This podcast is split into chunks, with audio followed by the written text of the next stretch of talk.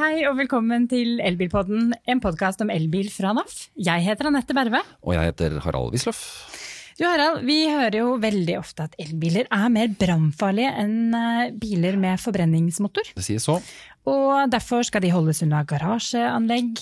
Men vi lurer litt på, er egentlig elbilen noe særlig mer brannfarlig enn vanlige bensin- og dieselbiler?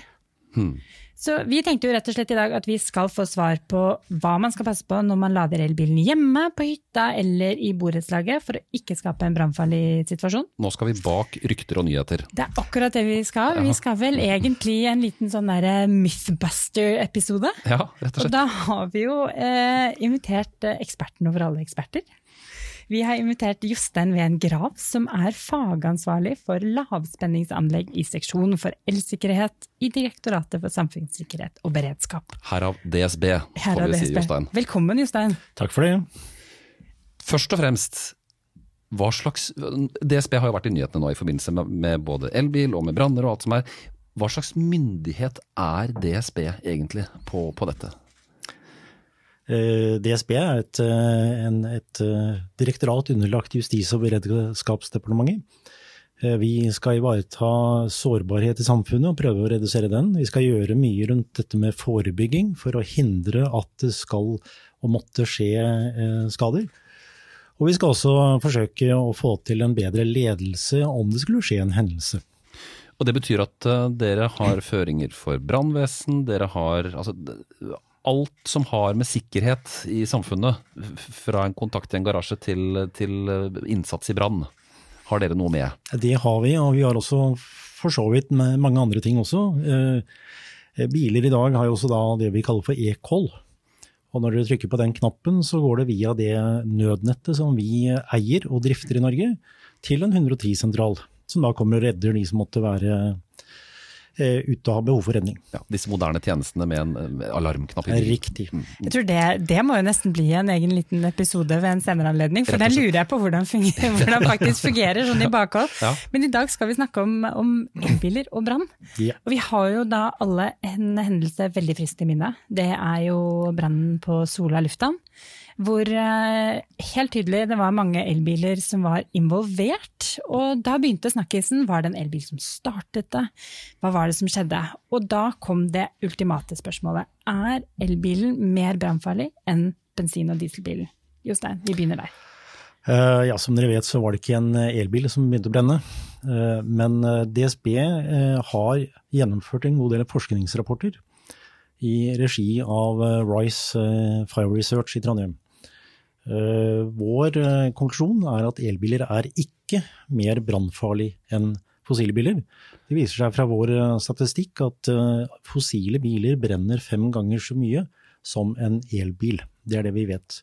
Og hvis en elbil begynner å brenne, så er det veldig sjelden at batteriet er involvert. Det vi ser nå etter flere rapporter og gjennomganger av sånne branner, det er at skal det brenne i en elbil, så er det som oftest det at batteriet må fysisk ødelegges. Altså batteriet må bli knust, gjennomboret eller et eller annet eh, fysisk skade på batteriet.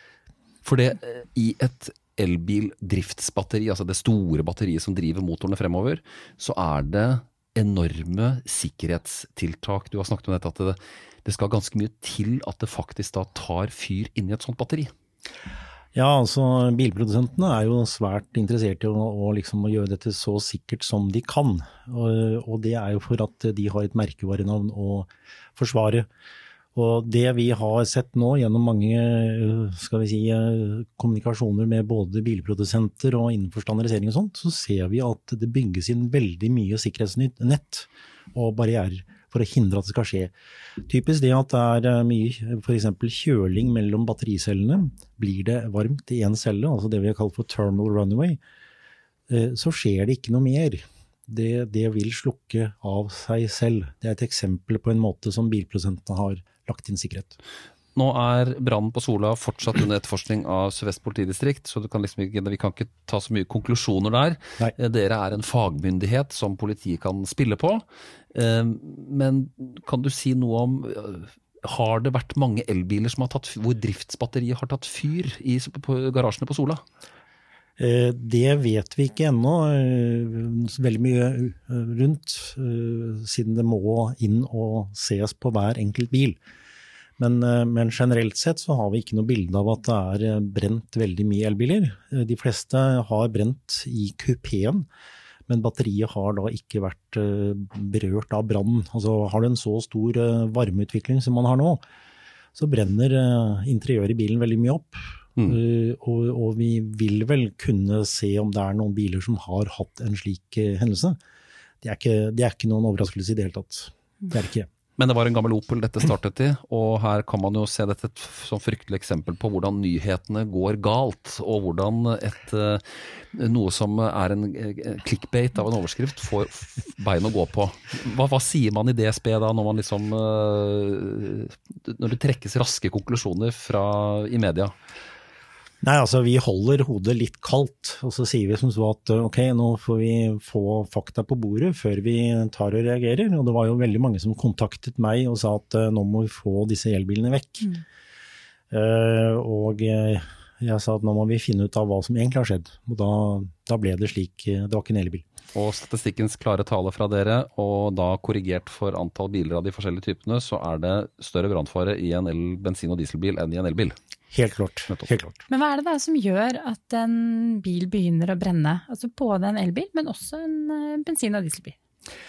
Eh, veldig ofte så kan det være en kortslutning i det vanlige 12 volts elektriske anlegget. Eh, det er vel der som kanskje er mest sannsynlig, men i en diesel-bensinbil så er det jo veldig tydelig at bensinlekkasjer, diesellekkasjer, sammen med en tennkilde, altså en gnist fra et eller annet elektrisk, eller varme, det er jo der du har den store utfordringen når det gjelder den typen biler. Men i en elbil så er det En elbil er en veldig enkel bil. Hørte, det hørtes slik ut. Ja. Den har et batteri, eh, elektronikk som står i forbindelse med pedalen, som du liksom fører strøm til motoren, og så har du en motor. En motor er en fryktelig enkel sak, men veldig effektiv og fin. Mm. Mens en diesel-bensinbil har en veldig avansert motor med masse som kan gå galt. Og så kreves det vedlikehold. Og så kreves det ikke minst vedlikehold. Eh, man må passe på at slanger og alt er i orden. ikke sant? Eh, og det gjelder jo da også en, en, elektrisk bil. Altså, statistikken har nok også litt med at bilene er ganske nye, bilparken. Eh, men man må jo vedlikeholde dette på samme måte. Altså at eh, interiør brenner og biler brenner, det gjør de. Men at driftsbatteriet på en elbil er en rullende brannbombe sånn uten videre, det er ikke riktig? Det kan vi avkrefte, ja. Mm. Hvis det da først har begynt å brenne, hvordan slukker man Er det noen forskjell på hvordan man slukker en brann i en elbil og en fossilbil? Eh, ja, det er helt klart. Eh, skal du slukke en brann i en elbil, så er det én ting som gjelder, det er vann. Og da bruker du vann for å fjerne eh, flammer som måtte være i brannen, og så bruker du vann for å kjøle ned. Det finnes mye rare sånne lurium som er på gang. Vi har ennå ikke sett at det har noen effekt, og det er jo det at du skal jo komme til brann. Du skal komme til batteriet. Mm. Ja. Det er det vanskelige. Ja, for jeg har sett dette her, et sånt vektteppe eller noe sånt, som skal legges over for å kvele oksygentilførselen, er det det? Ja, altså teppet kan fjerne Altså hindre at varmen stiger opp i taket i det rommet det står, eller til biler på siden. Det kan jeg være enig i. Men det hindrer jo ikke at en kortslutning i et batteri skal vi si, avgir varme. Mm. Den er der inntil den elektrokjemiske energien er frigitt. Det er det som er problemet. Men dette, nå ble det jo veldig tydelig i media med den eh, Sola-hendelsen. Men, men, har man hatt noen profilerte elbilbranner før? Det var jo en eh, Tesla som tok fyr ved en ladestasjon. Det var det. Eh, hvilke andre hendelser er det du har, eh, på en måte, har satt seg på minnet ditt?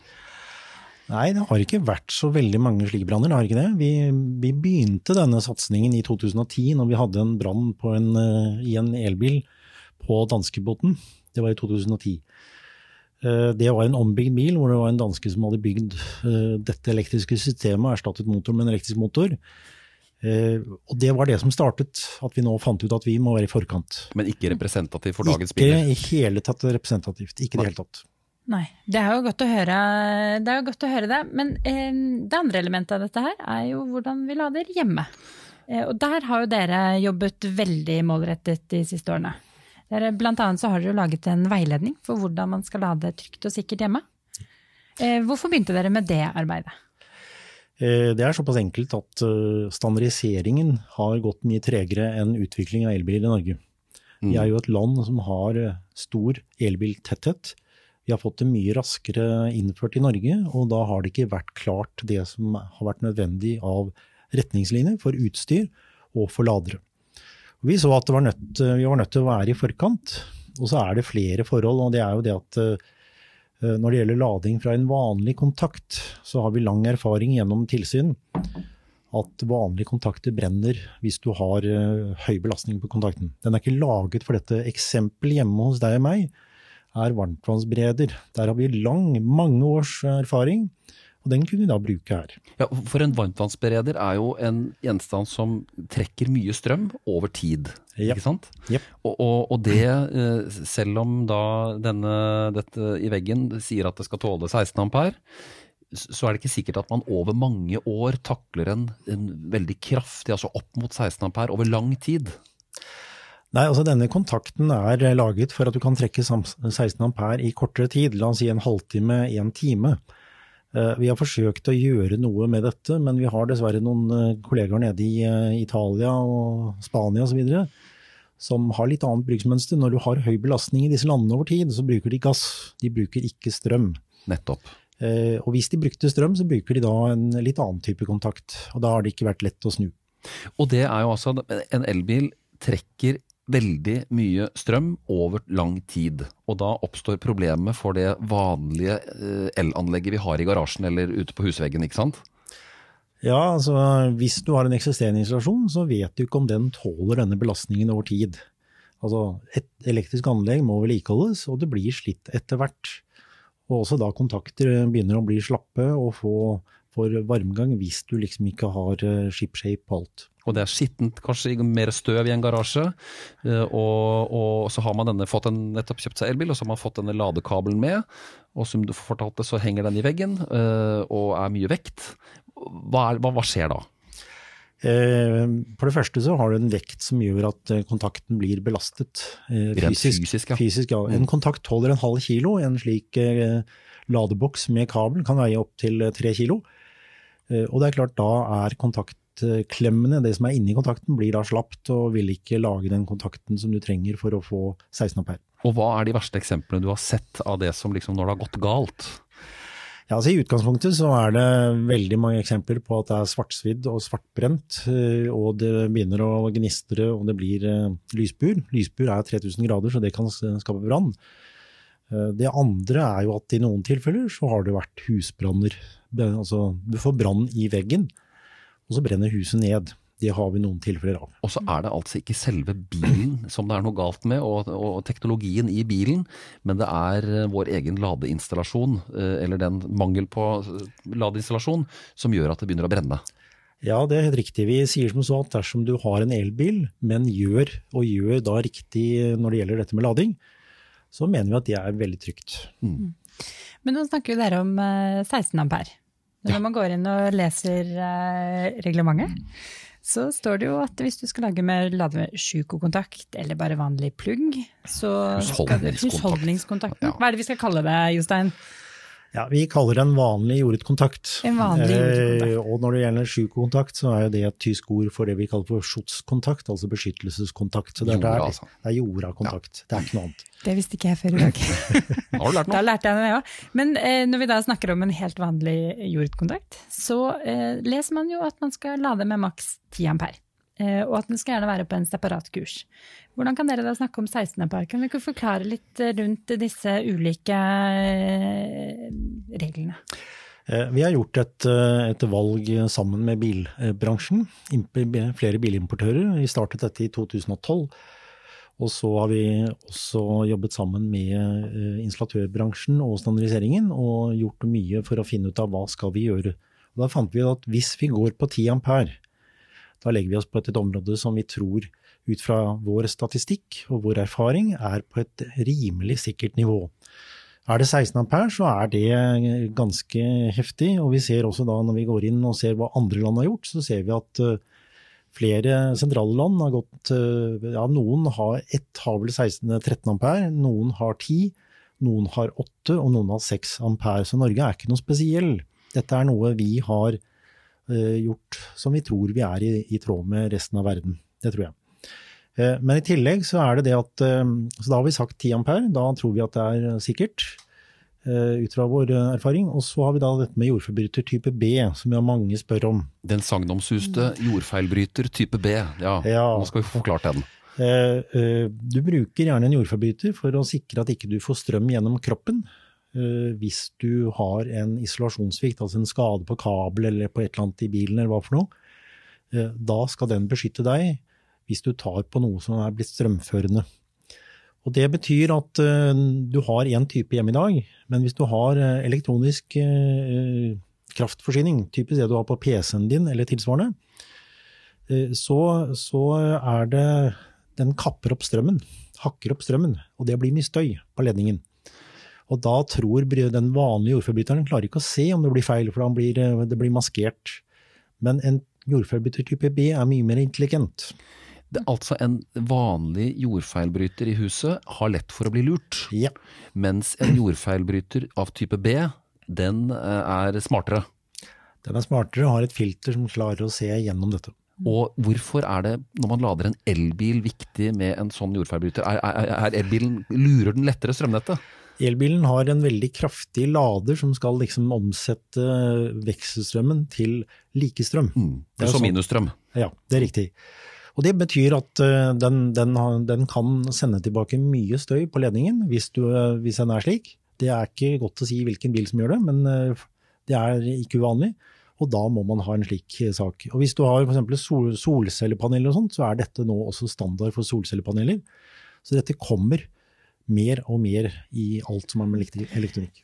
En gammel jordforbryter eh, klarer ikke alltid å filtrere ut støy og kan bli lurt, og altså ikke slå ut når den skal slå ut, eh, pga. alt det moderne elektroniske utstyret vi har i dag. Ja. En jordfeilbryter type B ja. er mer intelligent og klarer å forstå denne støyen, og da slå inn når noe er galt. Ja. Nettopp. Så hvis du har en feil på bilen din, på ledning og sånt, og da kommer et barn og tar på bilen, så er ikke det noe hyggelig hvis ikke den funker det er, det er faktisk svært viktig. Dette med jordfeilbytter type B. Ja. Det er jo det. Men så da, da har vi jo 10 amperen. Og så snakker dere om 16 ampere. Men jeg har et til, tillegg til hvis ja. du lader med en slik ladeledning. Så er problemet det at i Norge så har vi da et spesielt eh, strømnett. Jeg vet ikke om man har hørt at vi har et IT-nett i Norge. Det står for isolert terra, altså isolert jord. Det flyter. Man vet ikke hvor jorda er. Uh, og dette har vi da til felles med store land som Albania, Iran og Irak. Eh, ikke noe drahjelp å få derfra. Eh, veldig sikkert system som er på sykehus også, men det er veldig spesielt. dette medfører at vi da, hvis du bruker en slik lader i en vanlig kontakt, så er det krevende å få det til å, å, å foregå på en stabil måte. Da snakker vi om den, den ladeledningen som følger med bilen? Ladeledningen som følger med bilen, med en klump på, som de noen kaller det. Ja. Ja. Og det vil si at hvis, da, hvis naboen får en jordfeil eller et eller annet støy fra sin lader, ja da begynner du å få et problem. Eh, da stopper din lading å skje. Jeg har mange eksempler på folk som ringer meg som sier at den lader jo ikke, og da, da er det et problem. Gå til naboen. Så det forplanter seg? Det forplanter seg. Yes. Ja, Det er det som er problemet for IT-nett i Norge. Men da eh, har familien sånn og sånn kjøpt elbil, og de har en garasje, og der er det noe strøm. Eh, hva er rådet til den vanlige nå? Jeg tenker at det, man skal se bort fra ladekladden når man lader hjemme. Det er vel eh, det, er vel eh, det første punktet her. Et veldig godt råd. Eh, punkt én, kontakt en elinstallatør som kan dette. Det støtter vi. Det betyr at man må spørre rett og slett installatøren har du greie på dette? Det er eh, svært viktig. Det kan være referanser som er, eh, du kan sjekke, og du kan også naturligvis da spørre bilimportøren, altså bilforhandleren, har dere en avtale med en anerkjent eh, leverandør? Og mange har det, et, et selskap som da installerer over hele Norge, mm. har, har lokalt, og de kan dette for den biltypen. Da er dere helt sikre. Og hva får man vanligvis da? Da får du en, eh, en på vegglader, som noen kaller det, eller Mode 3 hvis dere har hørt om eh, det begrepet, ja. altså en, ladestasjon. Den ladestasjonen kan enten ha en type 2-kontakt, altså den som er standardisert i EU. Mm. Den er rund og litt flat på toppen. Og så, eh, eller du kan ha en ladeledning som sitter fast, som da plugges rett i bilen. Det er litt avhengig av hva du praktisk vil ha. I tillegg tar installatøren og sjekker at anlegget ditt tåler den belastningen du da ønsker deg. For dette er jo minst halve jobben, å sjekke hva det tåler. Ja, og at det som ligger foran faktisk er ship shape, altså at, at det er eh, vedlikeholdt eller må skiftes ut. Vi har et eksempler på de som har fått uh, installert og så begynner å brenne på veien inn til sikringsskapet. Det er dårlige, dårlige ledninger som de har brukt som er gamle, og så skjer det. Man må få sjekket det elektriske anlegget at det tåler det du skal ha av effekt. For det er ikke bare å få en såkalt ladeboks på veggen. Her er det liksom infrastrukturen i hele, hele boligen som, bør, som, må sjekkes før man monterer dette. Ja, Så må du da tenke på hvor stor ladefart vil jeg ha, eller, eller trenger jeg? Det er klart, Sitter du med en, med, nei, en bil med stort batteri er på hytta hver helg, så kan det plutselig ta 30 timer, nei, tre dager å lade en eh, stor bil med, med 10 ampere, mm. eh, hvis du skal ha fulladet. Da vil du gjerne gå opp i effekt. Ja, for det er sånn at Disse ladeboksene vi kjøper, den, den, gir, jo ikke, den, den gir jo den strømmen det er kapasitet til i garasjen eller, eller huset ditt. ikke sant? Så den kan, den kan fòres med ganske mye strøm, og har du ikke så mye strøm inn til huset, for det er også avhengig av, ikke sant? så kan den da gi mindre. Ja, så du har hovedsikringer inn til huset. Ja. Det bestemmer hvor mye du kan trekke fra nettselskapets altså nett. Eh, og da vil installatøren se på hvor stor belastning har du på installasjonen din allerede. Varmtvannsbereder, oppvaskmaskiner, belysning, alt mulig sånt fra du har fra før, ikke sant? Ja, alt dette som trekker effekt. Ja. Men så har vi et lite S i ermet, og det er at uh, disse ladestasjonene vil kunne komme med det vi kaller for lastbalansering eller uh, laststyring, eller hva det måtte være. Og da kan du altså installere en liten datamaskin i sikringsskapet og den datamaskinen sjekker hva lasten eh, du har ellers, og så kan den justere ladinga ut ifra hvor mye du har av eh, hovedsikring, og legge deg opp til den, men ikke gå over. Sikringen går altså ikke, men du får ut det du trenger. Maskin, vaskemaskinen går ikke, tørketrommelen står, eh, varmtvannsberederen er full, og, og, det er ingen tenåringer som dusjer. For eksempel. Eh, og da er det strøm igjen til å lade bilen, og da kan den kicke inn. Ja, og da kan du tenke deg at uh, nå, nå, er det jo på trappene det vi kaller for køprising av strøm. Mm. Køprising av effekt, det kommer vel i 2021-2022.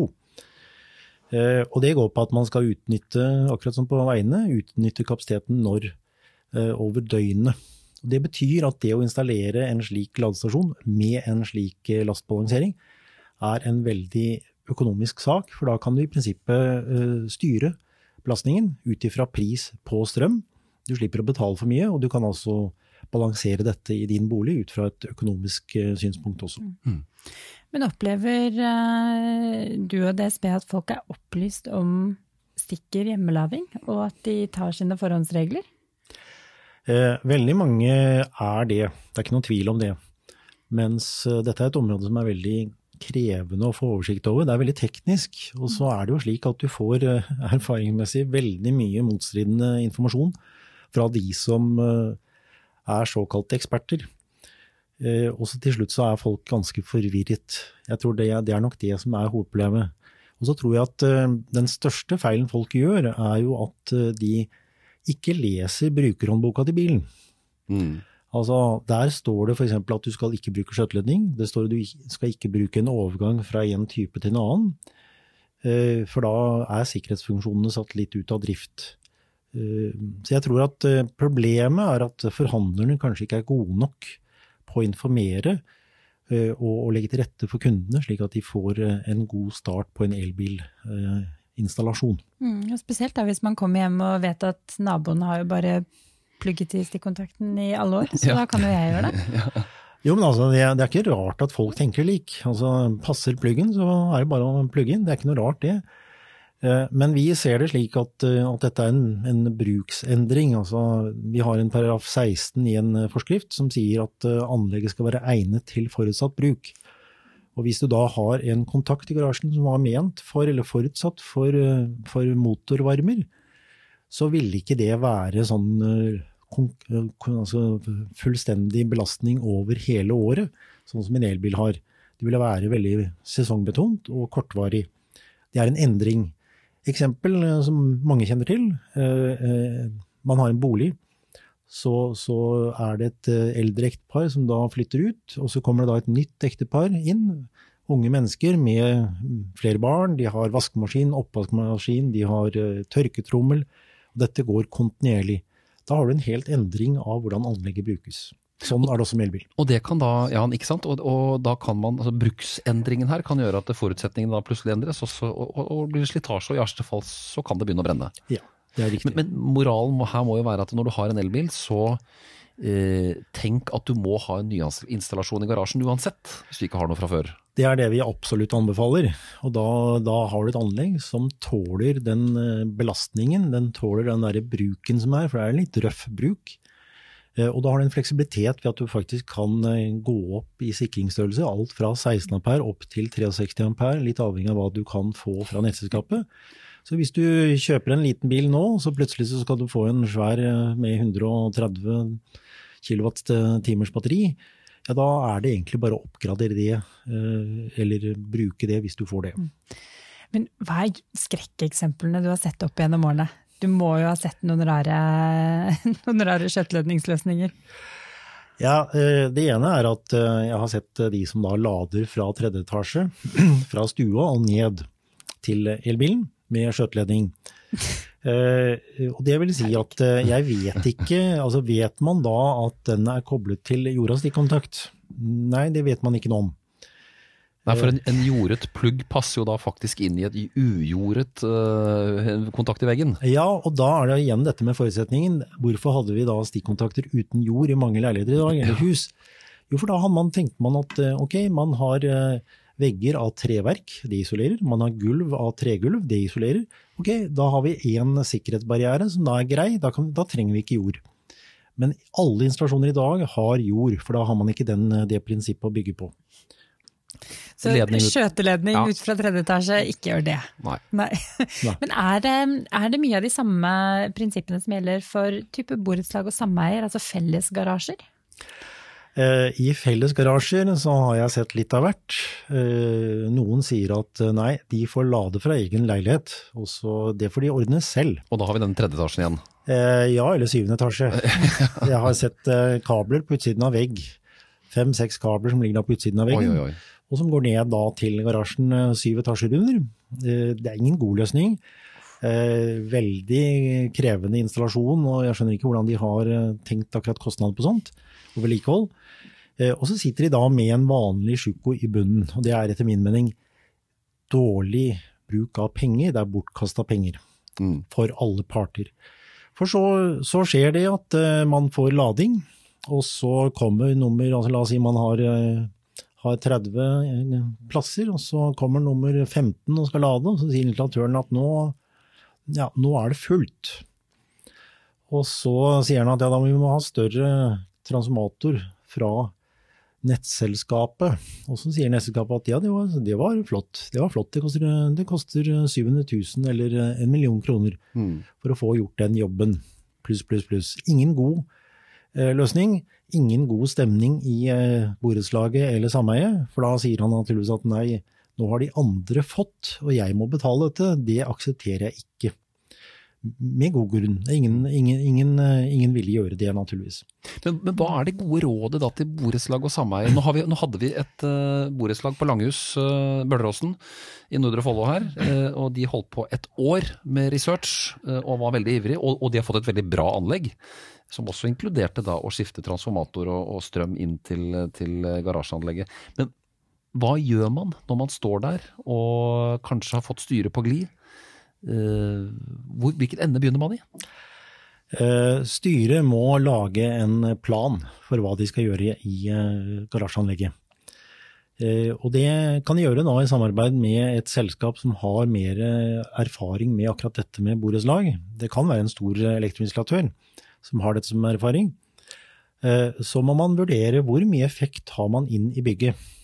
Er det et nyere bygg, 400 volt, altså TN-system, altså et nytt eh, elektrisk anlegg, så er du kanskje mye skal vi si, heldig, for da finnes mye tilgjengelig. Riktig. Men det er det første man må finne ut. Hvor mye effekt har vi tilgjengelig?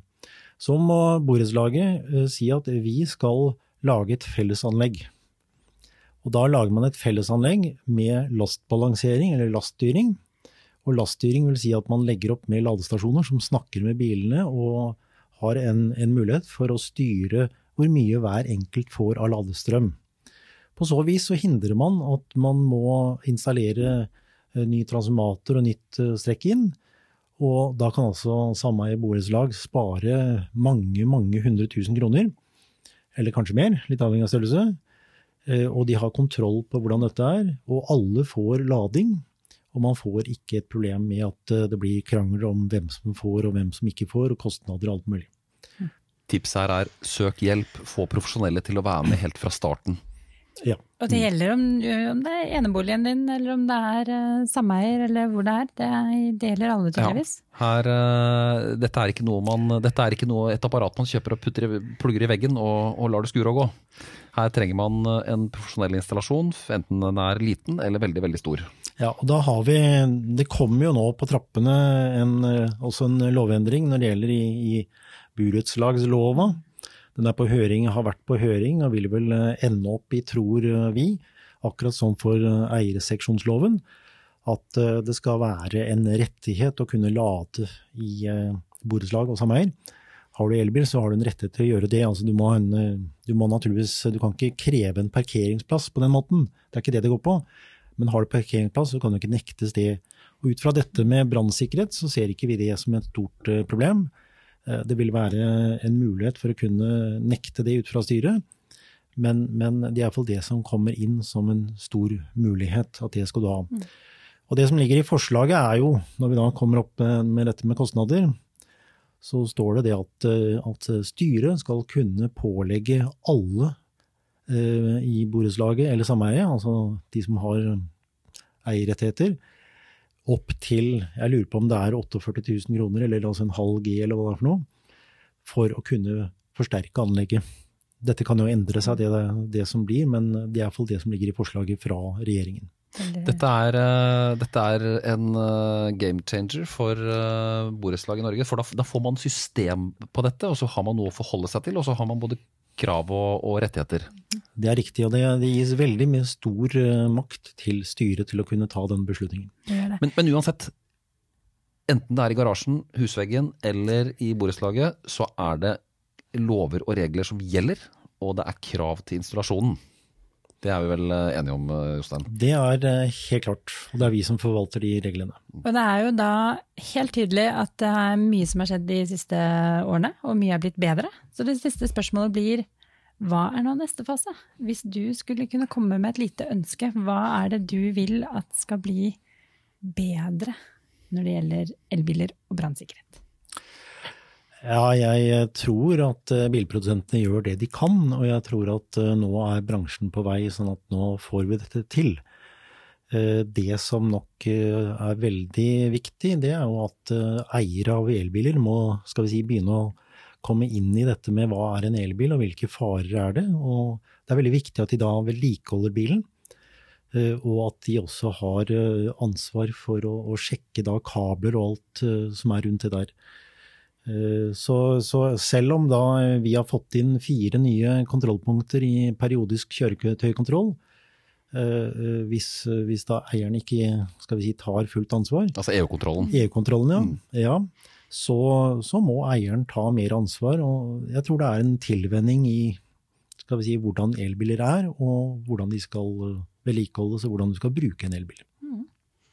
En fin avslutning, det. Dette er veldig masse nyttig info for uh, forbrukerne. Jeg uh, har lært masse, og vi bør jo være overkvalifisert, håper jeg. Nå vet jeg hva sjukost står for. Nå vet jeg hva Sjuko står for. Takk for at du kom til oss, Jostein. Det var kjempeinteressant. Takk for det.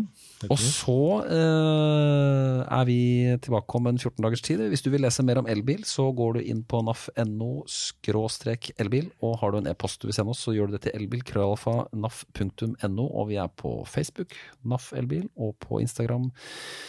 Og uh, så høres og ses vi igjen om en 14 dagers tid. Det gjør vi. Fint, da. Ha det, ha det bra. Ha det bra.